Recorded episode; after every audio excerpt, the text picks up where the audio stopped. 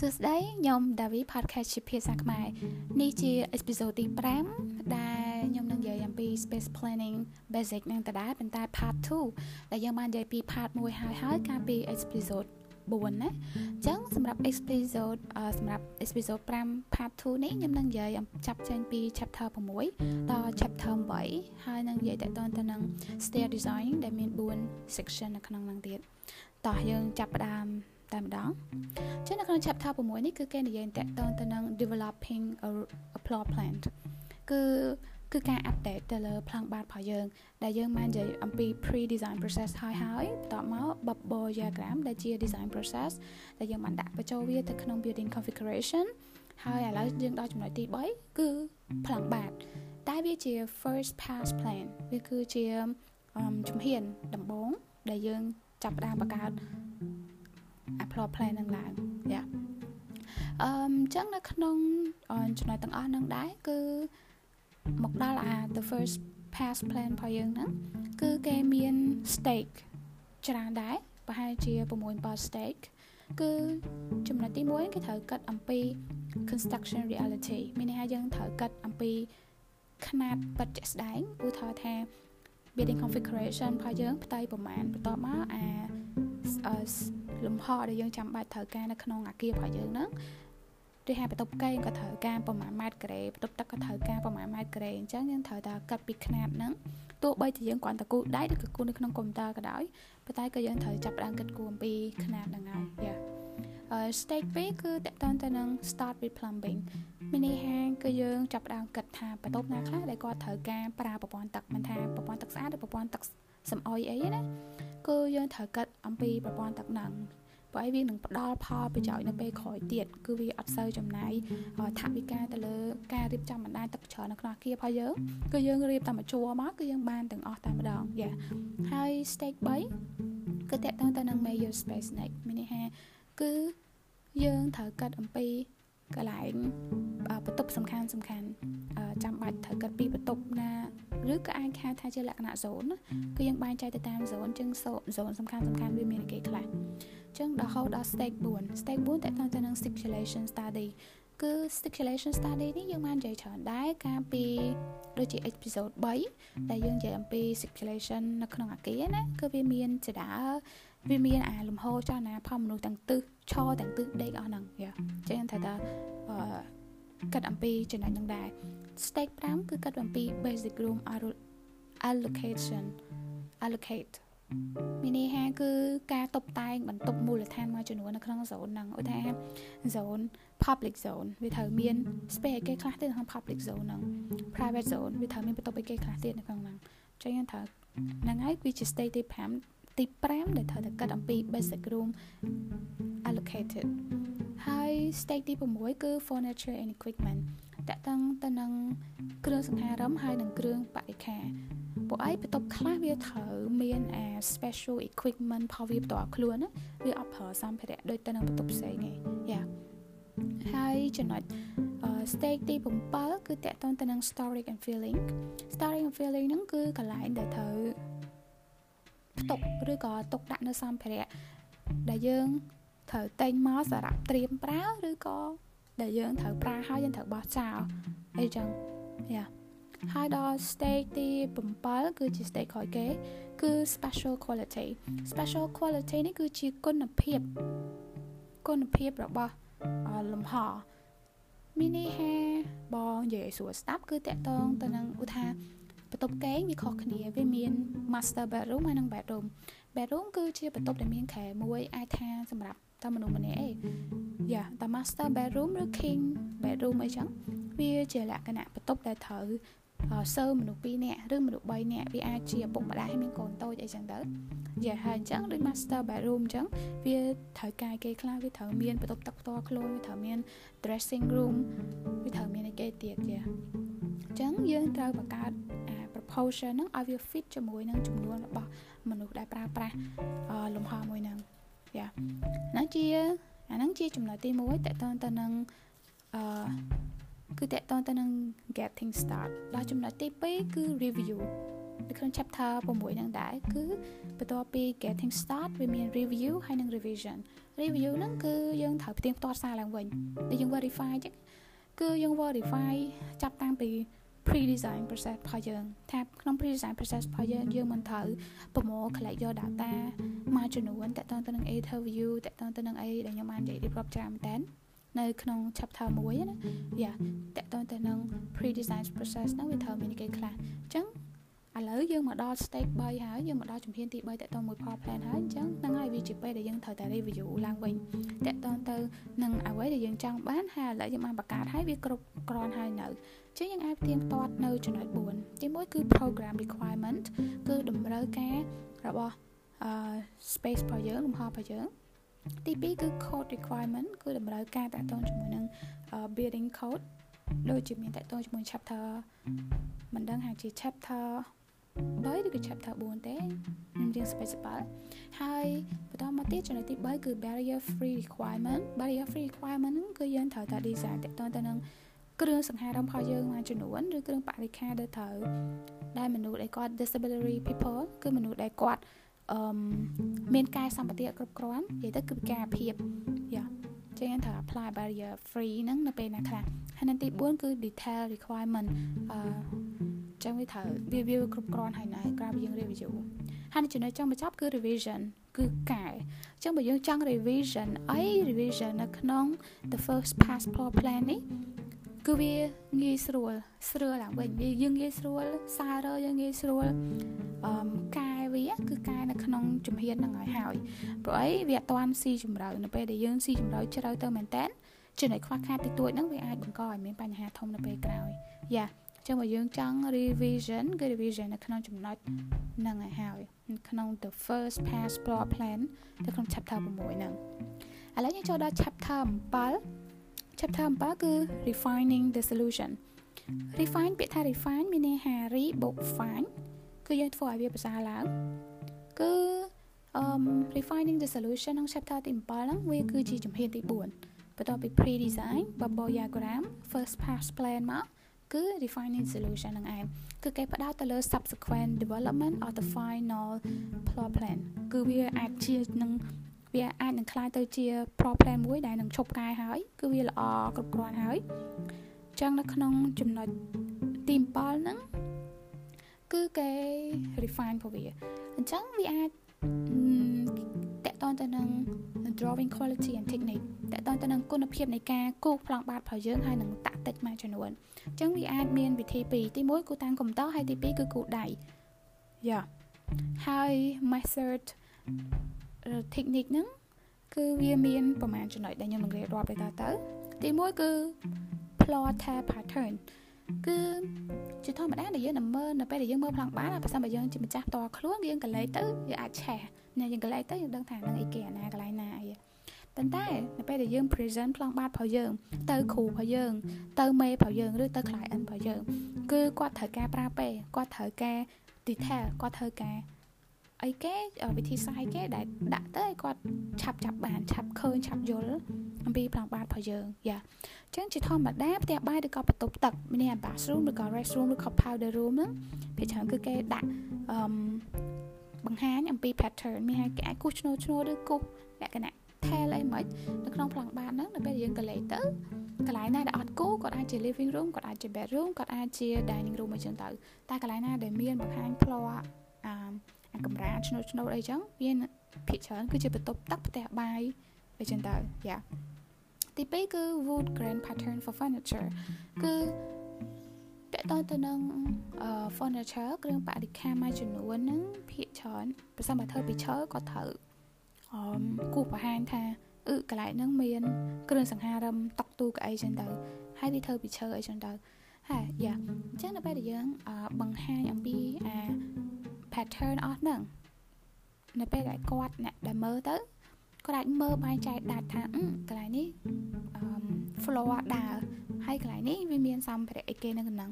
នៅពេលដែលយើងអត់ពាវទេពេលខ្លះគាត់អាចនឹងច្រឡំថានឹងជារបស់អីផ្សេងថាជាប់ទៅនឹងកម្រាល floor អីចឹងយ៉ា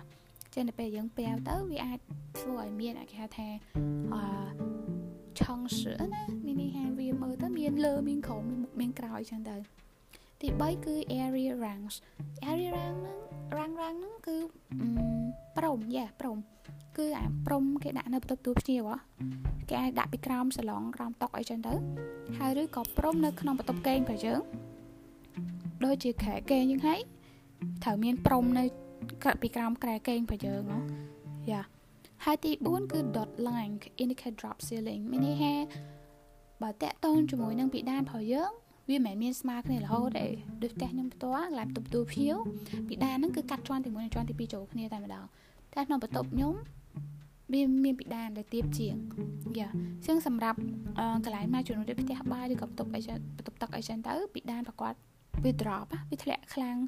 វាត្រូវមានកន្លែងធ្លាក់ខ្លាំងអីចឹងទៅក៏ត្រូវគូដុតឡាញហ្នឹងយ៉ាគឺបន្ទាត់ចុចចុចយ៉ាដើម្បីបង្ហាញថាកន្លែងហ្នឹង selling របស់វាអត់ខ្ពស់ស្មើគ្នាទេ ហើយចំណុចទី5យើងឲ្យបន្ថែមខ្លួនឯងគឺ additional letter គឺការសរសេរអក្សរនៅក្នុងនឹងបន្ថែមទៀតគឺថាផ្ទះបាយចឹងយើងសរសេរ kitchen បន្ទប់ទូភ្ញៀវចឹង living room បន្ទប់កេងចឹង bedroom យ៉ាយើងត្រូវដាក់អក្សរបន្ថែមទៀតចឹងពេលគាត់កលែងមកឆ្វាច់ទៅគាត់មើលអក្សរហ្នឹងសិនបន្ទាប់ពីគាត់មើលអក្សរដឹងហើយថាកន្លែងនេះ space អីហើយតោះមកគាត់ចាប់ផ្ដើមមើល detail បណ្ដាបណ្ដាតើតើទៅនឹងហ្នឹងទៀតហើយវាអាចនឹងមានចំណុចច្រើនលើពីហ្នឹងទៀតយ៉ាប៉ុន្តែអានេះវាជាចំណុច comment ជាចំណុចទូទៅដែលភាគច្រើនគេប្រើសម្បីតែខ្ញុំណាចូល chapter ទី8ជា chapter ចុងក្រោយនៅក្នុងសភៅហ្នឹងគឺ developing skill beyond the basic level គឺតកតងទៅនឹងអឺការអភិវឌ្ឍជំនាញរបស់យើងនៅពីក្រោយអឺមូលដ្ឋានគ្រឹះមួយចំនួនដែលយើងបាននិយាយអឺ ហើយតាំងពី chapter 1មកណាអាហ្នឹងវាស្ទើរតែជា basic level ហើយវាស្ទើរជាស្ទើរតែជា lesson វាស្ទើរតែជា example ហើយឥឡូវហ្នឹងយើងយើងត្រូវយកវាយកមក develop skill របស់យើងយ៉ាចឹងនៅក្នុងហ្នឹងនៅក្នុង chapter 8ហ្នឹងខ្ញុំឃើញគេនិយាយតកតងទៅនឹងរបៀបលក្ខណៈ larger in scale ណា and programmatically more complex គឺតកតងទៅនឹង ប្លង់បាតវារត់តែធំជាងមុនវាដល់រាប់ពាន់ម៉ែត្រការ៉េទៅវាមិនមែនក្រោម100ម៉ែត្រការ៉េទេវារាប់ពាន់ម៉ែត្រការ៉េដល់សម្ងាត់នេះខ្ញុំត្រូវធ្វើអាគារមួយមិនដំបង2500ទេតែឥឡូវគ្រូឲ្យធ្វើដល់3000ម៉ែត្រការ៉េហើយយ៉ាអញ្ចឹងវាធំអញ្ចឹងតកតទៅនឹងអា functional space ថានឹងការរៀបចំប្លង់បាតរបស់យើងហ្នឹងវានឹង more complicated ដោយសារយើងត្រូវគ្រប់គ្រងយើងត្រូវមាន responsibility យើងត្រូវ collect data ហ្នឹងវាច្រើនជាងការងាររបស់យើងវារត់តែច្រើនជាងមុនហើយតំណែងតំណងរវាងបន្ទប់មួយទៅបន្ទប់មួយទៀតហ្នឹងវារត់តែច្រើនជាងមុនហើយយើងត្រូវតែដោះស្រាយបញ្ហាច្រើនជាងមុនចាអញ្ចឹងបើសិនបើយើងនឹងជួបទៅនឹងអឺ តកតងទៅនឹងប្លង់បាតធំធំអញ្ចឹងជាធម្មតាគេត្រូវដោះស្រាយមិនអញ្ចឹងខ្ញុំមើលឃើញនៅក្នុងហ្នឹងគេបានប្រាប់ពីចំណុចមួយចំនួនចំណុចទី1គឺតកតងទៅនឹង program within program មានន័យថាដូចខ្ញុំដូចជាបាននិយាយតិចតួចដែរមុនហ្នឹងគឺតកតងទៅនឹង zoning ណាយ៉ា program within program ហ្នឹងគឺតកតងទៅនឹង zoning concept គឺតកតងទៅនឹង concept នៃការបែងចែកគឺ zoning ដូចថានៅក្នុងនោះវាមាន space ច្រើនមែនប៉ុន្តែ វាមានអាអា main category របស់វាដែលយើងអាចដាក់វាទៅ block តែមួយបានគេហៅ public space public zone public zone វាអាចមានបន្ទប់ទឹកវាអាចមាន receptionist កន្លែងទទួលភ្ញៀវវាអាចមានកន្លែង laser space កន្លែងយើងសម្រាប់លំហែអង្គុយចាំអង្គុយលេងអីចឹងវាមាន coffee shop វាមាន book shop វាមាន photocopying យ៉ាអាហ្នឹងហើយ space ទាំងអស់ហ្នឹងហើយវាជាសត្វតែជា space ដែលជា public space តែ public zone ខ្លះវាត្រូវការ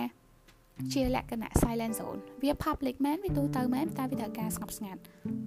អញ្ចឹងវាមានដូចអីគេវាអាចជា reading area តំបន់ដែលយើងអានសភៅវាវា public អឺគាត់ចូលអានក៏បានខ្ញុំចូលអានក៏បានប៉ុន្តែត្រូវតែរក្សាភាពស្ងៀមស្ងាត់នៅពេលដែលយើងអានសភៅយើងត្រូវការភាពស្ងៀមស្ងាត់យ៉ាហើយអឺ តកតងទៅនឹង private zone វាមានគេខ្លះអញ្ចឹងអញ្ចឹងមានន័យថាតកតងជាមួយ program within program ហ្នឹងមានន័យថាយើងត្រូវបែងចែកប្រភេទ category ប្រភេទ zone ផលវាឲ្យហើយមុនគេយើងអាចថារៀបចំចេញពី macro ណាបន្តមកបន្តបន្តរហូតដល់ micro មានថាពីចំណុចធំរហូតដល់ចំណុចតូច អានោះវាងាយស្រួលក្នុងការគ្រប់គ្រងជាង Yeah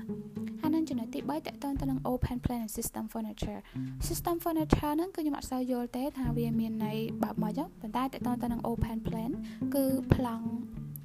ដែលវាបើកចំហមានន័យថាវាអត់សូវអត់សូវមាន internal wall អញ្ចឹងនៅខាងក្នុងឬអាចថាប្រើអញ្ចឹងនៅខាងក្នុងដែរប៉ុន្តែប្រើសម្ភារៈមួយចំនួនដែលអាចមើលធ្លុះជាលក្ខណៈ translucent material ណាអញ្ចឹងទោះបីបើវាវាបិទមែនប៉ុន្តែវាមើលទៅហាក់ដូចជាអត់បិទ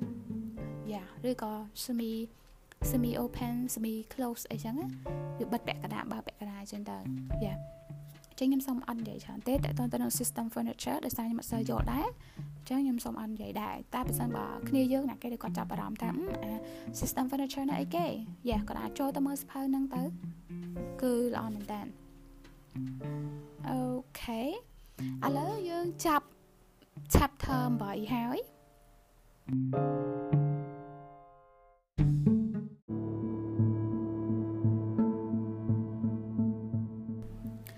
ឥឡូវមកដល់ចំណុចបន្ទាប់នេះគឺនិយាយតទៅទៅនឹង stair design basic ទៅនឹងមូលដ្ឋានគ្រឹះនៃការរចនាចរាអញ្ចឹងនៅក្នុងនោះវាមាន4 section សម្រាប់ section ទី1គឺតទៅទៅនឹង stair design តែមុននឹងយើងនិយាយដល់ថា stair design វាត្រូវមានគេខ្លះគឺអ្នកនិពន្ធគាត់ចង់បង្ហាញឲ្យយើងស្គាល់អ្វីទៅដែលហៅថា poorly designed stair ណាគឺនៅពេលដែលយើងរចនាអត់ត្រូវឬក៏វាធ្វើឲ្យចរានោះវាអន់ ចឹងវាអាចនឹងជួបនឹងរឿងមួយចំនួនប្រសិនបើល្អបំផុតគឺថាចរាហ្នឹងគាត់តែមានអារម្មណ៍ថាណយឯងវាដូចទៅទៅអឺវាដូចវាឆ្កំឆ្កងនៅក្នុងលំហហ្នឹងប៉ុន្តែបើអាក្រក់វិញវាអាចបណ្ដាលឲ្យមាននៅគ្រោះថ្នាក់មួយចំនួនដូចជាដូចជាល្អិលឬជពុកជើងឬក៏ធ្លាក់លើចរាអញ្ចឹងទៅយ៉ាហើយបញ្ហាដែលគ្រោះថ្នាក់ដោយសារតែចរាហ្នឹងគឺវាកាត់ឡើងជារៀងរាល់ឆ្នាំហើយវាមានច្រើនដែរមិនតិចទេ គឺក្នុងហ្នឹងគេបានដាក់ឧទាហរណ៍តកតនទៅនឹងប្រទេសមួយចំនួនជាជារាល់ឆ្នាំមានអ្នកជួបបដិវហេតុដោយសារធ្លាក់ពីចដាវាប្រហែលអ្នកប្រហែលអ្នកយ៉ាហើយយើងអាចចូលចូលទៅមើលសភៅហ្នឹងទៅគឺវានឹងប្រាប់ពីតនន័យអស់ហ្នឹងហើយហើយគឺទី2គឺតកតនទៅនឹង a well designed stairs គឺជាដាដែលរចនាទៅត្រូវវាល្អអញ្ចឹងវានឹងផ្ដល់ឲ្យអ្នកដែលប្រើប្រាស់ហ្នឹងគាត់មានអារម្មណ៍ល្អដែរគាត់ មានអារម្មណ៍ថាវាប្រើចរាហ្នឹងទៅវាស្រួលវាស្រួលមកល្មមមកលើកជើងឡើងលើកជើងចុះអីចឹងដូចយើងស្លៀកពាក់កៅអញ្ចឹងកៅខ្លះយើងពាក់ទៅមានអារម្មណ៍ថាស្រួលខ្លួនវាអត់តង់ពេកវាអត់ថប់វាណែនយ៉ាអញ្ចឹងអាហ្នឹងដូចគ្នា Our Design Stand ហ្នឹងគឺវាផ្ដល់ដាក់ a moment of pleasure សម្រាប់អ្នកប្រើប្រាស់យ៉ាឥឡូវយើងដឹងហើយពីភាពខុសគ្នាអ្វីទៅដែលហៅថា poorly designed stair ហើយអ្វីទៅដែលហៅថា a well designed stair យ៉ាហើយចំណុចបន្តមកទៀតនៅក្នុង section មួយនឹងដដែលគឺនិយាយតទៅទៅនឹង function purpose and history តទៅទៅនឹងអឺទូនីតិផាសចដាគោលបំណងនៃការបង្កើតចដាហើយនិងប្រវត្តិរបស់ចដាយ៉ាអឺជាធម្មតាមនុស្សយើងតែគិតថាដោយសារវាជា obvious purpose វាជាគំនិតជាក់លាក់ដែលយើងបង្កើតចដាគឺដើម្បីអាចឲ្យមនុស្ស ឡើងពីជាន់មួយទៅជាន់មួយទៀតដែលមានកម្ពស់ខុសគ្នាមិនអញ្ចឹងយ៉ាវាជាតួនាទី posture ដែលយើងមើលឃើញជាក់ស្ដែងប៉ុន្តែកន្លែងចំណុចមួយចំនួនច្រើនទៀតដែលយើងអត់បានចាប់អារម្មណ៍គឺវាមាន various function ហ្នឹងមួយចំនួនហើយនៅក្នុងហ្នឹងអឺវាដូចជាមាន4ចំណុចតើទៅនឹង another various function ទីមួយវាជា sloping terrain sloping terrain ហ្នឹងភាគច្រើនគឺលក្ខណៈសេដាដែលគេធ្វើនៅក្នុងសួនច្បារឬ landscape ណាមួយយ៉ាគឺគឺវាជាលក្ខណៈនៅពេលដែលវាមានចំណោលមួយ មានចំណោល slope អីចឹងទៅអញ្ចឹងនៅពេលដែលយើងអត់បង្កើតអាចដាសម្រាប់ឡើងទេ គឺយើងអត់ងាយឡើងទេដូចចលែងជំរាឬចម្រាក់ភ្នំអីចឹងចាអញ្ចឹងត្រូវបង្កើតអា sloping terrain ហ្នឹងដើម្បីឲ្យមនុស្សគាត់អាចឡើងពីមួយទៅមួយទៀតបាន តែវាមិនមែនឡើងដូចអាគីទេវាគ្រាន់តែឡើងក្នុងលក្ខណៈខ្លីដូច5 6កាំអីចឹងយ៉ាទី2គេហៅថា cultural issue cultural issue ហ្នឹងគេឃើញថាកាលពីបុរាណអឺមនុស្សយើងពេលបង្កើតអាគារទៅគឺអត់សូវនិយមបង្កើតអាលក្ខណៈជាអាគារដែលមានច្រើនច្រើនជាន់ទេគាត់ចូលចិត្តបង្កើតតែមួយជាន់តែវាធំវិញយ៉ា ដោយសារការហ្នឹងអត់ទាន់មានអាការអាប់ដេតខាងផ្នែកចរាហ្នឹងហើយចរាដែលគេប្រើច្រើនឬគេហៅថាជា primary defensive device ហ្នឹងគឺ lander មួយ stair stair ហ្នឹងគឺជាដា lander ហ្នឹងអាអាចដាបត់អា movable stair ជាដាដែលអាចលើកពីកន្លែងមួយដាក់ទៅកន្លែងមួយទៀតនិយាយទៅដល់អាចទាយើងឡើងដើមថ្នល់ដើមអីយ៉ាអាហ្នឹងហើយចឹងទៅអឺប៉ុន្តែមកដល់អាពាក់កណ្ដាលសតវត្ស និយាយទៅប្រហែលជាមកដល់សម័យដែលគេមានការរីកចម្រើនខ្លះគឺមានកំណើនប្រជាជន មានន័យថាអា larger public building ហើយនឹង space limitation វាត្រូវបានកើតឡើងលំហវាត្រូវមានកំណត់ដូចហើយយើងត្រូវធ្វើផ្ទះអញ្ចឹងដីរបស់យើង មានទំហំប៉ុណ្ណាប៉ុន្តែមនុស្សវាប្រើប្រាស់ច្រើនអញ្ចឹងយើងត្រូវធ្វើលក្ខណៈគេហៅថា go up ណា instead of go out មានន័យថាវាវាឡើងទៅលើច្រើនជាង ធ្វើតាមមួយជាន់ហើយវាធំយ៉ាអញ្ចឹងពេលហ្នឹងវាមានការ update ខាងផ្នែក building technology តើតើទៅនឹងបច្ចេកទេសខាងផ្នែកសំណង់ចឹងចដារបស់យើងគឺត្រូវបានគេរចនាអឺមានច្រើនរូបរាងហើយវារត់តា complexity វារត់តាមានលក្ខណៈស្មុគស្មាញទៅស្មុគស្មាញទៅហើយដល់ពេលហ្នឹង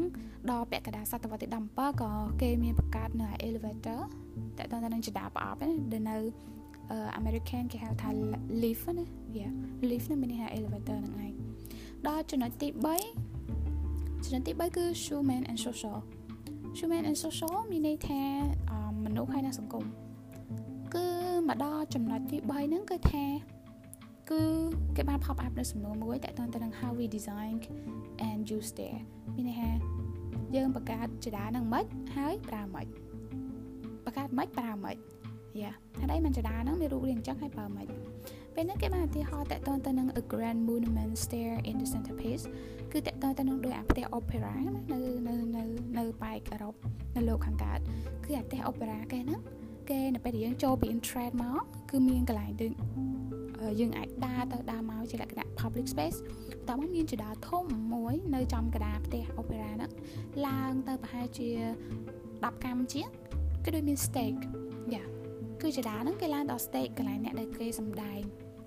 ហើយមានចដាបែកសងខាងទៀតប្រហែលជា10កម្មជាងទៀតឡើងទៅគឺមានតារាអីនេះហាសិល្បករសិល្បករនេះគាត់ត្រូវសំដែងហ្នឹងគាត់ត្រូវចុះតាមកម្មចដាពីចំហៀងហ្នឹងមកតោះមកដល់ stake យ៉ាតោះមកមានកម្មចដាទៀតបានមកដល់ភៀវដែលគាត់ត្រូវអង្គុយមើលឈរមើលអីចឹងយ៉ាអញ្ចឹងអឺនៅក្នុងចំណុចតេតទៅនឹង human society ហ្នឹងមានន័យថា នៅពេលដែលអាគារហ្នឹងវាមាន multiple level វាមានអាចន់ហ្នឹងច្រើនទៅវាមានអា level ហ្នឹងវាច្រើនទៅវាផ្ដល់អាភាពងាយស្រួលក្នុងការបែងចែកលំហនៅខាងក្នុងអាគារហ្នឹង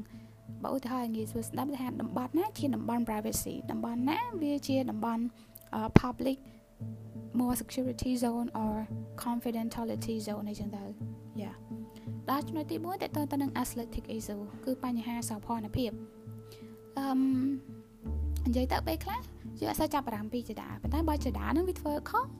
វាធ្វើឲ្យផ្ទះនឹងមើលទៅវាឆ្កងឆ្កងអញ្ចឹងយ៉ាអញ្ចឹងវាចដាគឺវាជា present special opportunity to make a singular aesthetic statement about a building character and purpose ចឹងពេលខ្លះវាក៏ជួយខាងផ្នែកអាសាភ័ណភាពនៅក្នុងអាគាររបស់យើងដែរហើយវាក៏បង្ហាញអំពីគោលគំនិតរបស់ម្ចាស់អាគារនឹងដែរយ៉ាពេលខ្លះ ជាមាន4ចំណុចហ្នឹងដែលវាជា various function លើសពីអ្វីដែលយើងថានចដាគ្រាន់តែអាចនាំយើងពីជាប់មួយទៅជាប់មួយទៀតបាន Yeah ហើយបើដល់ចំណុចនេះគឺតកតងទៅនឹងថាហេតុអ្វីបាន stair stair វាមានច្រើន vertical circulation ហ្នឹងវាមានច្រើនសន្តានណាប៉ុន្តែហេតុអ្វី stair អាចដាយើងដើរថ្មើរជើងហ្នឹងវានៅតែជា um component គ្រឹះមួយសម្រាប់អា គារបច្ចុប្បន្នមានន័យថាហេតុអីបានវានៅតែប្រើមកដល់បច្ចុប្បន្នហេតុអីវានៅតែជា basic component យ៉ាអញ្ចឹងវាមានមូលហេតុ3ទី1 the primary mode or vertical access in small low rise building មានន័យថាគឺភាគច្រើនគេប្រើប្រាស់ stair ហ្នឹងនៅក្នុងអា low rise building ចឹងតើតើទៅនឹងអាគារអាគារដែលធ្វើច្រើនជាន់ទៅវាមាន low rise building medium rise building high rise building ហើយនិង skyscraper យ៉ា ហើយសម្រាប់ low rise building ហ្នឹងគឺវា4ជាន់4ជាន់ចុះវាអាចត្រឹម4ជាន់ឬ4ជាន់ចុះក្រោមអញ្ចឹងគេអត់ចាំបាច់ធ្វើចដាប្រអប់ទេវាអស់លុយច្រើនអញ្ចឹងយើងត្រូវតែរចនាចដាជើងយ៉ាទី1 set up money ទី2អឺគឺវាងាយស្រួលក្នុងការប្រើប្រាស់ពេលមានអាសន្នអីចឹងទៅយ៉ាហើយទី2គឺ the meanest emergence increase in all uh, multi story building មានន័យថាទោះអាគារនៅវាខ្ពស់ប៉ុណ្ណាក៏ដោយទោះវាមានចដាយន្តក៏ដោយវាត្រូវតែមានអាគេហៅថា emergency egress គឺជាចដាមួយសម្រាប់ពេលមានបញ្ហាអាសន្នអីភ្លាមៗអញ្ចឹងវាដែលថាវាផ្ដាច់កងតាក់វាលែងមានអគិសនីអញ្ចឹងចដាយន្តចដាប្រអប់អីហ្នឹងវាលែងប្រើការទៀតហើយចឹងយើងត្រូវតែប្រើចដាជើងនឹងឯងហើយទី3 as a significant structural element in many building large and small វាប្រៀបដូចជារូប structure មួយ ដែលវាដាក់នៅក្នុងអាគារហ្នឹងវាអញ្ចឹងបើតាខ្ញុំកាត់ប្រហែលជាវាអាចចូលរួមជាលំអនៅក្នុងអាគារយ៉ាហើយអឺចំណុចបន្តមកទៀតក្រៅពី function purpose ហើយនិង history ហ្នឹងទៅគឺមាននិយាយតកតទៅនឹង human behavior and stare គឺសកម្មភាពផុសមនុស្សអឺចំពោះចដាអញ្ចឹងនៅក្នុងហ្នឹងគេបានអឺ បានបង្ហាញអំពីការស្រាវជ្រាវមួយតកតទៅនឹង how we behave on stare ហ្នឹងគឺនៅក្នុងការស្រាវជ្រាវហ្នឹងគេមាន um two primary areas they research គឺគេ research តកតទៅនឹងពីរចំណុចទី1 the route people take មានន័យថាមធ្យោបាយដែលមនុស្សធ្វើដំណើរអញ្ចឹងមធ្យោបាយដែលមនុស្សធ្វើដំណើរពីជាន់មួយទៅជាន់មួយតើគាត់ប្រើជាប្រភេទអីគេ vertical circulation ជាប្រភេទអីគេជាប្រភេទចដាជាប្រភេទចដាយន្តឬក៏អីគេយ៉ាទី1ហើយទី2គឺតកតទៅនឹង reaction to stare and their surrounding មានន័យថាជាប្រតិកម្មតបទៅនឹងចដាហើយនឹងអ្វីដែលនៅជុំវិញខ្លួនពួកគេចាគឺពេលហ្នឹងដូចជាគេបានដាក់ទីហោតតទៅទៅនឹង escalator ចដាយន្តចដាយន្តរបស់យើង គឺអាកដាហ្នឹងគេដាក់ប្រកាន់ដៃឯចដាយន្តវាមានពីរទិសមានមួយចុះក្រោមមួយឡើងលើអញ្ចឹងហើយគេមានដាក់ប្រកាន់ដៃនៅខាងឆ្វេងដៃតែនៅខាងស្ដាំគេអត់ដាក់ទេគេដាក់ជាលក្ខណៈ sitting area អីចឹងអញ្ចឹងនៅពេលដែលគេពិសោធន៍ទៅឃើញថាមនុស្សភាគច្រើនរៀងខិតរៀងខិតមកឆ្វេងរៀងខិតមកខាងប្រកាន់ដៃដោយសារនៅខាងស្ដាំដៃហ្នឹងវាមានមនុស្សអង្គុយមួយជួរហ្នឹងអញ្ចឹងអញ្ចឹងគឺយើងដើម្បីជៀសវាងអាការ ប៉ះទង្គិចគ្នាដោយចែកដានដែលមនុស្សហ្នឹងគាត់ងើបឈរមកក៏ដើរមកហើយអាយើងហ្នឹងចុះមកអញ្ចឹងទៅវាអាចនឹងប៉ះគ្នាយ៉ាប៉ះមានបញ្ហាចឹងមនុស្សគាត់ឃើញថាគាត់ប្រើគាត់រៀងងាកមកខាងឆ្វេងដៃច្រើនយ៉ាហ្នឹងហើយវាជា reaction to stare and their surrounding ហ្នឹងយ៉ាហើយបន្តមកទៀតនៅក្នុងចំណុចហ្នឹងតដែរគឺ as their pattern become more complex គឺតកតទៅនឹង stair configuration ហ្នឹងឯង stair pattern ហ្នឹងគឺ stair configuration ហ្នឹងឯងគឺវាមានរៀងរត់តែច្រើនទៅមានរៀងរត់តែស្មុគស្មាញទៅអញ្ចឹង are increasing opportunity for those kind of conflict មានន័យថាវាក៏បង្កើតឲ្យមានអាបញ្ហា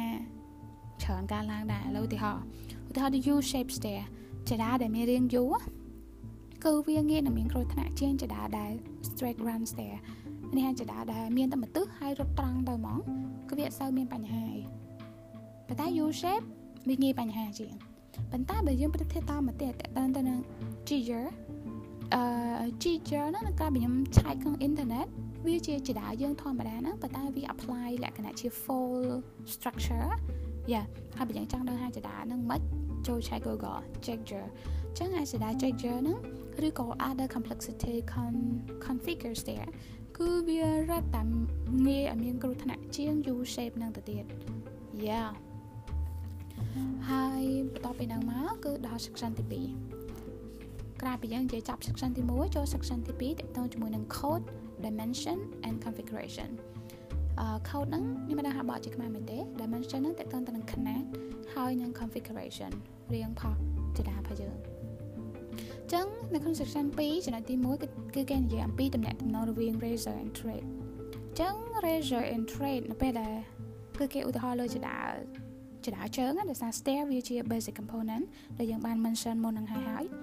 ចឹង razor ហ្នឹងវាទៅពេលដែលយើងនិយាយពីចដាវាមានអាកន្លែងកពស់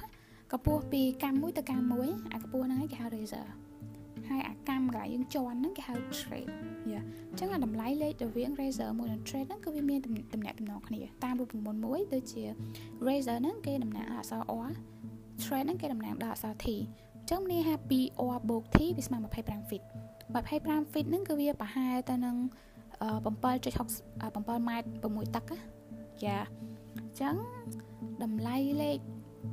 អឺ razor មួយ trade ហ្នឹងគឺវាប្រច្រាស់គ្នាប្រសិនបើ razor កើនឡើង trade នឹងថយចុះប្រសិនបើ trade នឹងកើនឡើង razor នឹងថយចុះវិញយ៉ាហើយតកតទៅនឹងតំណាក់តំណងរវាង razor ជាមួយ trade ហ្នឹងវាគេបានបន្ថែមនៅចំណុច addiction មួយចំនួនទៀត ខាងហ្នឹងប្រហែលជា4 5ចំណុចដែរទី1តកតងទៅនឹងអ្នកប្រើប្រាស់ចរាហ្នឹងប្រសិនបើគាត់ភាកច្រើនអាគារហ្នឹងជាអាគារចាស់ជូរាជាមន្ទីរពេទ្យអញ្ចឹងអ្នកដែលប្រើប្រាស់ហ្នឹងជាមនុស្សចាស់ច្រើនជាមនុស្សមានជំងឺច្រើនអញ្ចឹងតកតងជាមួយនឹងតម្លៃ Parazer ហ្នឹងជាធម្មតាគឺគេប្រើអា5 3លើ4ទៅ6 1លើ4អ៊ីងចឹងមីនីក្រោយពីខ្ញុំឆាយទៅគឺឃើញថាឆាយអាខ្នាត fit ហ្នឹងទៅម៉ែតណាយ៉ា គឺចន្លោះពី170មីលីម៉ែត្រទៅ190មីលីម៉ែត្រ yeah which is particularly important to consider about the group of people that going to use that stair ហើយចំណុចទី2គឺ length of rent ដែលខ្ញុំនិយាយមកអញ្ចឹងតម្លៃ razor មួយ thread គឺវាច្រើនគ្នាអញ្ចឹងកាលណា razor របស់យើងរត់ទៅទៀត thread របស់យើងរត់ទៅរត់ទៅកើនរត់ទៅវែងអញ្ចឹងអា length of run ប្រវែងចដាសរុបផលយើងហ្នឹងក៏វារត់ទៅវែងជាងមុនអញ្ចឹងការប្រើប្រាស់ចដាហ្នឹងវារត់ទៅប្រើប្រាស់ពេលយូរជាងមុនយ៉ាទី3គឺ nosing tie nosing tie ហ្នឹងគេនិយាយពី technique របស់ razor យ៉ាគឺហេតុអីមកគេត្រូវនិយាយពី nosing tie ហ្នឹងដែរ nosing tie ហ្នឹងគឺគេផ្ដោតទៅលើ increase the foot landing dip for each step taking មានន័យថានៅពេលដែលយើងជន់នៅលើ thread ហ្នឹងយើង have a landing dip នេះយើងអាច roll ទៅមុខបានជ្រៅប៉ុណ្ណាគឺវាអាស្រ័យទៅលើប្រភេទនៃ nosing ហ្នឹងឯង ចឹងក្នុងនោះវាមាន3ប្រភេទទី1គេហៅថា traditional nosing traditional nosing នេះមានន័យថា razor មួយ thread ហ្នឹងគឺវាកែងគ្នា90ដឺក្រេតែនៅពេលដែលវាជា slope razor មានន័យថា razor មួយ thread ហ្នឹងគឺវាផ្គុំបានមុំមួយតូចជាងមុំ90ហើយនៅពេលដែលវាជា open razor មានន័យថា razor របស់យើងអត់មានទេកម្ពស់វានៅតែមានដដែលប៉ុន្តែវាអត់មានប្រើសម្ភារៈអីទេមានន័យថាវា hollow វាតេវា open យ៉ា ចឹងទៅគេឲ្យឈ្មោះថា open razor ចំណុចទី4គឺអឺតកតងជាមួយនឹងຂະຫນាតរបស់ razor មួយ thread ហ្នឹងគឺគួរតែ remain constant មានន័យថាគួរតែនៅថេរបើសិនបើតម្លៃប៉ុណ្ណាគឺវានៅតម្លៃប៉ុណ្ណឹងរហូតកុំឲ្យមានការប្រែប្រួលនៅពេលដែលពេលមានការប្រែប្រួលទៅអ្នកប្រើប្រាស់គាត់អាចនឹងនៅពេលដែលគាត់ខ្វះការយកចិត្តទុកដាក់គាត់អាចនឹងមានគ្រោះថ្នាក់ទីចំណុចទី5គឺ using decimal rather than fraction មានន័យថាគួរតែប្រើលេខកុដកុដទស្សភាគជាច្រើនជាងលេខពភាគបើសិនបើយើងគិតឃើញថាវាលេខដូច170.22អញ្ចឹងយើងប្រើ170ហ្មងទៅយ៉ាប៉ុន្តែបើក្នុងករណីចាំបាច់ត្រូវតែប្រើលេខពភាគគឺយើងត្រូវតែប្រើវាឲ្យកុងស្តង់ឲ្យវាថេណាបន្តចំណុចមកទៀតក្រៅពី razor and trade relationship ទៅគឺចំណុចទី2តតតជាមួយនឹង stay wine គឺនិយាយពីកម្មតដែរប៉ុន្តែកន្លែងប្រវែងខ្លីគេហៅ trade ប្រវែងវែងគេហៅ wine wine បបមកគឺទៅតឹងតែវាជាប្រវែងវែងនៅលើកម្មវិញយ៉ាអញ្ចឹងវាការរចនា wine poster ហ្នឹងគឺវាអាស្រ័យទៅនឹងប្រភេទនៃអគាររបស់យើងប្រសិនបើវាជា residential building or non residential building វាមានមនុស្សប្រើតិចឬច្រើនគឺយើងត្រូវប្រមាណមើល estimate ថាវាកម្រិតប៉ុណ្ណាចឹងជាធម្មតាសម្រាប់មនុស្សតែម្នាក់ មនុស្សតែម្នាក់ម្នាក់ហាឡើងបានតែម្នាក់ចុះបានតែម្នាក់អេយ៉ាចឹងជាធម្មតាគឺគេដែរ design វាគឺ3 feet 3 feet ហ្នឹងគឺ9តឹក900 mm ចឹងសម្រាប់មនុស្ស2នាក់គឺបាក់ប្រើមែនតើហើយប្រសិនបើសម្រាប់មនុស្ស2នាក់វិញវាអាច4 feet ទៅ5 feet គឺអាច1ម៉ែត្រ2តឹកទៅ1ម៉ែត្រ5តឹកប៉ុន្តែនៅក្នុងលក្ខខណ្ឌ1ម៉ែត្រ5តឹកគឺវា comfortable មែនតើយ៉ាហើយយើងអាច compose អឺ a center handrail នៅកណ្ដាលបានមានថាយើងមាន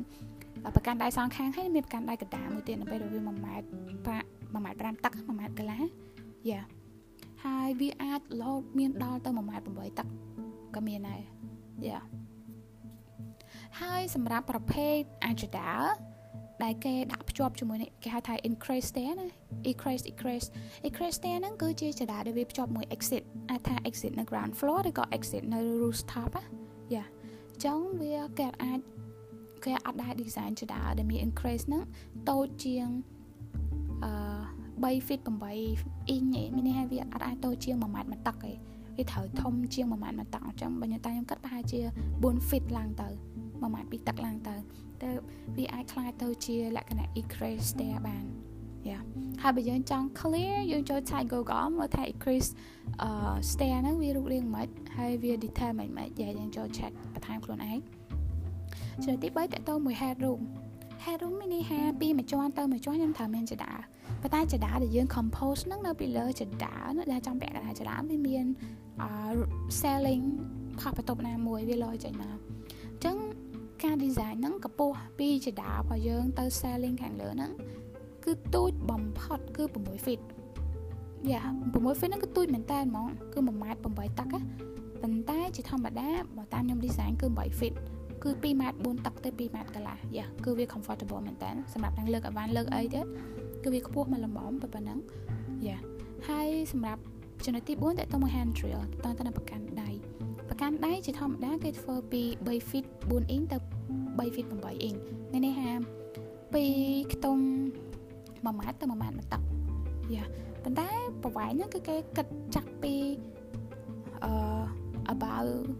about razor នៅពីលើ razor ហ្នឹងទៅប្រកាន់ដៃគេគិតពីត្រឹមក្រោម razor ទៅប្រកាន់ដៃណាគេគិតត្រឹមពីក្បាល pot razor ខាងលើហ្នឹងទៅប្រកាន់ដៃឲ្យបាន1ម៉ែត្រទៅ1ម៉ែត្រមួយទឹកហើយ1ម៉ែត្រទៅ1ម៉ែត្រមួយទឹកហ្នឹងគឺសម្រាប់មនុស្សធំពេញវ័យសម្រាប់ក្មេងវាត្រូវតែដូចជាត្រឹមទៅ8ទឹកអីទេយ៉ា ហើយចំណុចទី5តកតទៅនឹង stay enclosure stay enclosure នេះជាធម្មតាសម្រាប់អាគារស្នាក់នៅ residential ណាគឺគេអត់ត្រូវការទេប៉ុន្តែ non residential building ជាធម្មតាគឺត្រូវតែមានហ្នឹងពេលវាច្រើនជាន់ទៅទីគឺគោលកំណត់ចម្បងផុសគេគឺថាវាអាចកាត់បន្ថយសម្រាប់ករណី case of fire សម្រាប់ភ្លើងមានភ្លើងឆេះអញ្ចឹងយ៉ាអញ្ចឹងមានភ្លើងឆេះផ្សែងវាមានផ្សែងតែមានភ្លើងឆេះវាមានផ្សែងអញ្ចឹងផ្សែងហ្នឹងមនុស្សខ្លះក៏មិនស្លាប់ដោយសារឆេះប៉ុន្តែក៏ស្លាប់ដោយសារឆ្លក់ផ្សែងអញ្ចឹងដល់ពេលដោះស្រាយបញ្ហាហ្នឹងផ្សែងគេវារត់រទៅរកតំបន់ណាដែលវា open space ហើយវា open to the air វាមានប្រហោងដូចជាដូចជាប្អូចទ្វារឬក៏បន្ទប់មួយចំនួនដែលវាមានប្រហោងអាចវាអាចផ្សាយនោះហោះឡើងទៅលើដោយសារវាស្រាលអញ្ចឹងហើយបើគេបង្កើតអាបន្ទប់មួយមុនមុនឡើងចដៅមានបន្ទប់មួយ ហើយក្រោយពីយើងចុះពីចដៅវាមានបន្ទប់មួយទៀតយ៉ាចាបន្ទប់ហ្នឹងឯងដែលវាអនុញ្ញាតឲ្យអា smoke ហ្នឹងគឺវាអាចហោះឡើងទៅលើដបូបានយ៉ាហ្នឹងហើយគេហៅថា stair enclosure ហ្នឹងឯងហើយសម្រាប់ចំណុចទីចំណុចទី6គឺតកតងជាមួយ lighting ពន្លឺហើយហើយមកគេចាំបាច់ត្រូវកាត់អំពីការដាក់អំពូលភ្លើងដោយសារតា មនុស្សជាធម្មតាគាត់ត្រូវតែប្រើចដានឹងទូពេលយប់ទូគាត់មិនប្រើជាលក្ខណៈផ្លូវការក៏គាត់ប្រើចោះទឹកទឹកទឹកបន្ទប់អីចឹងយ៉ាអញ្ចឹងដើម្បីឲ្យ make sure ថាវា safe 24 hour 24ម៉ោងក្នុងមួយថ្ងៃអញ្ចឹងត្រូវតែមានភ្លើងត្រូវតែដាក់កងតាក់ភ្លើងមកឲ្យមនុស្សគាត់ចុចទៅគាត់អាចចោះចដាដោយសុវត្ថិភាពណាចំណុចទី7តទៅទៅនឹងសម្ភារៈ material for construction វាអាចឈើវាអាចស៊ីម៉ង់វាអាចជាលក្ខណៈ tile ឬក៏ ceramic ឬក៏ carpet ព្រមអីចឹងទៅថ្មអឺ terrazzo terrazzo ហ្នឹងគឺជា composite material គឺជាសម្ភារៈដែលវាផ្សំពីគ្រឿងអឺគ្រឿងអីផ្សេងផ្សេងដូចជា granite ដូចជា glass ដូចជា stone ហ្នឹងវាបញ្ចូលគ្នាបន្ទាប់មកបង្កើតបានជា terrazzo ហ្នឹងយ៉ាហើយយើងអាចប្រើ glass ឬក៏ steel ក៏ដែកអីចឹងទៅ ប៉ុន្តែគេបានបង្ហាញពី3ចំណុចតទៅទៅនឹងការរើសអាសម្ភារៈហ្នឹងយកមកប្រើយកមក design stair ហ្នឹងវាអាចមាន3ចំណុចដែលយើងអាចគិតគូរបាន ទី1តទៅទៅនឹង appropriateness to the stair setting intend use មានន័យថាវាអាចតទៅទៅមួយនឹងសិតរបស់ជាដើមហ្នឹងឧទាហរណ៍ថាផ្ទះរបស់យើងធ្វើពី concrete ហើយអញ្ចឹង stair របស់យើងគួរតែធ្វើពី concrete ដែរទៅដើម្បីឲ្យវាមើលទៅវាលក្ខណៈ អឺចូលគ្នាវាវាវាដូចគ្នាយ៉ាវាជា set របស់វាតែបើយើងចង់បង្កើត hierarchy ឬក៏ stair របស់យើងហ្នឹងវាជាលក្ខណៈ sculpture ឬតកតងជាមួយនឹង aesthetic តកតងទៅនឹងសោភ័ណភាពនៅក្នុងអគារអញ្ចឹងទៅយើងចង់ pop up យើងចង់ឲ្យមនុស្សឃើញអាហ្នឹងច្រើនយើងអាចជ្រើសរើសយក material ណាផ្សេងដើម្បីឲ្យចដារបស់យើងហ្នឹងវាលេចធ្លោជាងគេនៅក្នុងអាគាររបស់យើងយ៉ាហ្នឹងក៏បានទី2តើតើទៅនឹង safety សុវត្ថិភាព ទី3តើតើទៅនឹង maintenance sustainability មានន័យថារបស់ហ្នឹងប្រើបានយូរប៉ុណ្ណា maintenance ហ្នឹងវាត្រូវការមើលថែវាត្រូវការជួសជុលដូរញឹកញាប់អត់យ៉ាចំណុចទី8 RAM RAM សំអន់និយាយច្រើនទេចំណុចទី9គឺ stack configuration ក្នុងហ្នឹងគឺគេបានដាក់ពី um 14 stack configuration the most basic នេះហារូបរាងចដា14យ៉ាងដែលជាជាធម្មតាគេប្រើ យ៉ាហើយខ្ញុំសូមអត់និយាយបកស្រាយរូបទេខ្ញុំគិតថាខ្ញុំបញ្យល់រៀងពិបាកយល់ចុះយើងចូលទៅមើលរូបចេះខ្ញុំសូមតាអានឈ្មោះ14 14ហ្នឹងដល់សង្ខេបទី1គឺ straight rand ទីអឺគឺជាដារត់ត្រង់ហ្មងទី2គឺ straight run with tail គឺជាដារត់ត្រង់ហ្នឹងបូកមួយកតុយអឺទី3គឺ straight run with mid landing គឺជាដារត់ត្រង់ដែរប៉ុន្តែវាមាន am landing នៅកណ្ដាលវាបើតាខ្ញុំគិតប្រហែលជា5 10កាំទៅ20កាំអញ្ចឹងវាត្រូវតែមាន middle landing មួយ L stair គឺជាដារៀងអក្សរ L U stair ជាដារៀងអក្សរ U stack round with two tail ជាដារត់ត្រង់មានកតុយ2មានន័យថាមុននោះវាមាន one tail ឥឡូវវាមាន two tail ចឹងវាត្រូវសងខាងទី7គឺ obtuse angle L មានន័យថាជាដារៀងអក្សរ L ដែរតែ L នៅក្នុងមុំហ្មងវាអត់ L 90ដឺការ៉េហ្មងអីចឹងណាកាយដែលកាច់បន្តិចហ្នឹងវាត្រូវមាន landing មួយ8 uneven U គឺរៀងអក្សរ U ដែរប៉ុន្តែវា U អត់គ្រប់អាចថាម្ខាង10កាំហើយមាន landing មួយបាត់ហើយម្ខាងទៀតវាមានតែ4ទៅ5កាំទេយ៉ាវាអត់ស្មើបើស្មើគេហៅ U shape ទី9គឺ extend U with two middle landing មានន័យថាក៏វារៀងជា U shape នឹងឯងប៉ុន្តែ U shape មានន័យថាគឺថាវា10កាំហើយមាន landing ហើយមាន10កាំហើយ extend ហ្នឹងមានថាវាមាន time landing មួយទៀតហើយវាមាន10កាំទៀតយ៉ា ទី10គឺ wine use there គឺជាដើររៀងអក្សរ U ប៉ុន្តែវាវាញវាតលេជាងមុនអញ្ចឹងមានន័យថាអាកន្លែងកាច់ហ្នឹងអាកន្លែងកាច់ landing ហ្នឹងគឺវាវែងជាងមុន landing ហ្នឹងកាច់ហើយវាវែងជាងមុនចឹងវាធ្វើឲ្យមានអាចចន្លោះកដាមួយចន្លោះកដាប្រកាន់ដៃហ្នឹងរវាងកម្មចដាខាងនោះនិងកម្មចដាខាងនេះនិយាយទៅយើងមើលរូបយើងងាយស្រួលយល់ជាងណាទី11គឺ square គឺជាដារៀងជា square ទី12គឺ circular uh, circular stair ជាដារង្វង់ទី3គឺ ellipse stair គឺជាដារឿង ellipse និងទី14ជាក្រោយគេគឺ spiral គឺជាដា spiral នឹងឯងយ៉ាជាដា spiral ជាធម្មតាវាមាន a middle column ណាវាមានអឺមតសតសកដាមួយហើយវាមានកម្មជុំវិញយ៉ាចំណុចទី9គឺតកតជាមួយនឹង exterior stair អ្វីទៅគេហៅថាជាដាខាងក្រៅ នៅពេលដែលយើងរចនាជាដាខាងក្រៅយើងអាចគិតពីពីករណីទី1គិតពីរដូវរដូវភ្លៀងឬក៏រដូវលាក់ប្រើអញ្ចឹងវាងាយរអល់អញ្ចឹងត្រូវធ្វើម៉េចចដាខាងខាងនេះត្រូវធ្វើមានដបឬក៏ម៉េច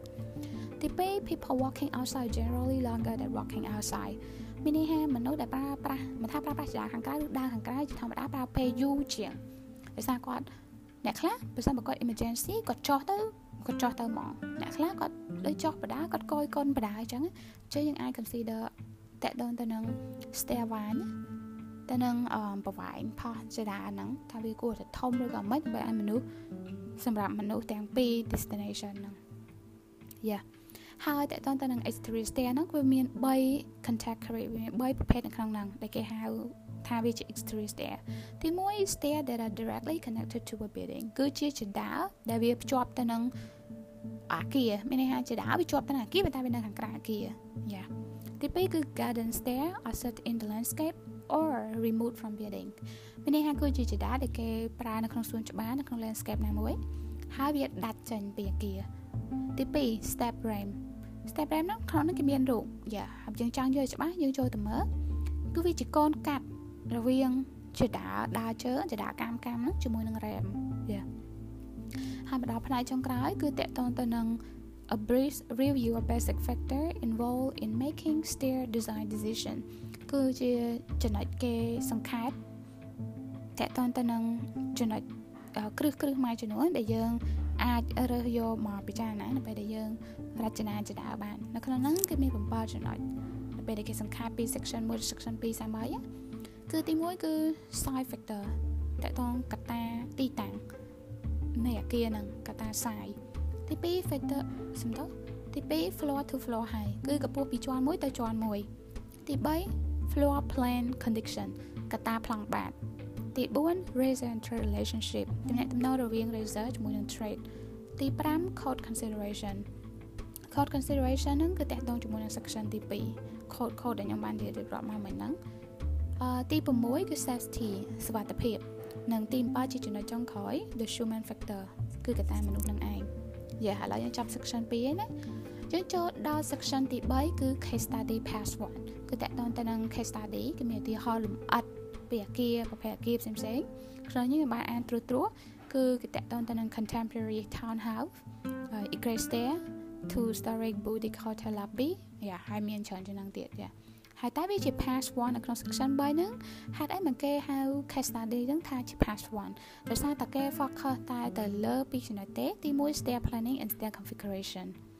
ហើយមកដល់ section ទី4ក៏ជា case study ដែរប៉ុន្តែគេឲ្យឈ្មោះវាថា past 2ដោយសារគេផ្ដោតទៅលើ stair construction railing and material គឺតកតទៅនឹងការសង់សង់ចដើប្រកាន់ដៃហើយនឹងសម្ភារៈដែលគេនឹងយកមកសាងសង់វានឹងយ៉ា អឺអញ្ចឹងសម្រាប់ space planning basic សភៅរបស់យើង នៅក្នុង part 2នេះគឺខ្ញុំសន្មតថាចាប់ទៅត្រឹមតែប៉ុណ្្នឹងឯណាអញ្ចឹងសម្រាប់ episode ក្រោយៗទៀតប្រហែលជាគឺខ្ញុំអត់ប្រកាសទេថាមួយសប្តាហ៍ចេញម្ដងឬក៏យ៉ាងម៉េចយ៉ាហើយខ្ញុំនឹងនឹងប្រាប់នៅ នៅពេលដែលខ្ញុំចេញ episode ក្រោយទៀតប៉ុន្តែ នៅក្នុង season 1នេះគឺចាប់ត្រឹមតែ4សភៅនឹងឯងតែសរុបមកវាមាន5 episode ណាហើយដោយកាមុនអញ្ចឹងរាល់ detail ឬអីអីខ្ញុំនឹងសរសេរនៅក្នុង description យើងអាចចូលទៅឆាយភាសាបើយើងចង់ស្ដាប់ហើយចង់ឆាយបន្ថែមទៀតឲ្យវា clear យ៉ាយើងអាចចូលទៅមើលនៅក្នុង description ខ្ញុំបានណាអញ្ចឹងឥឡូវសន្មតថាចាប់ទៅប៉ុណ្្នឹងហើយ goodbye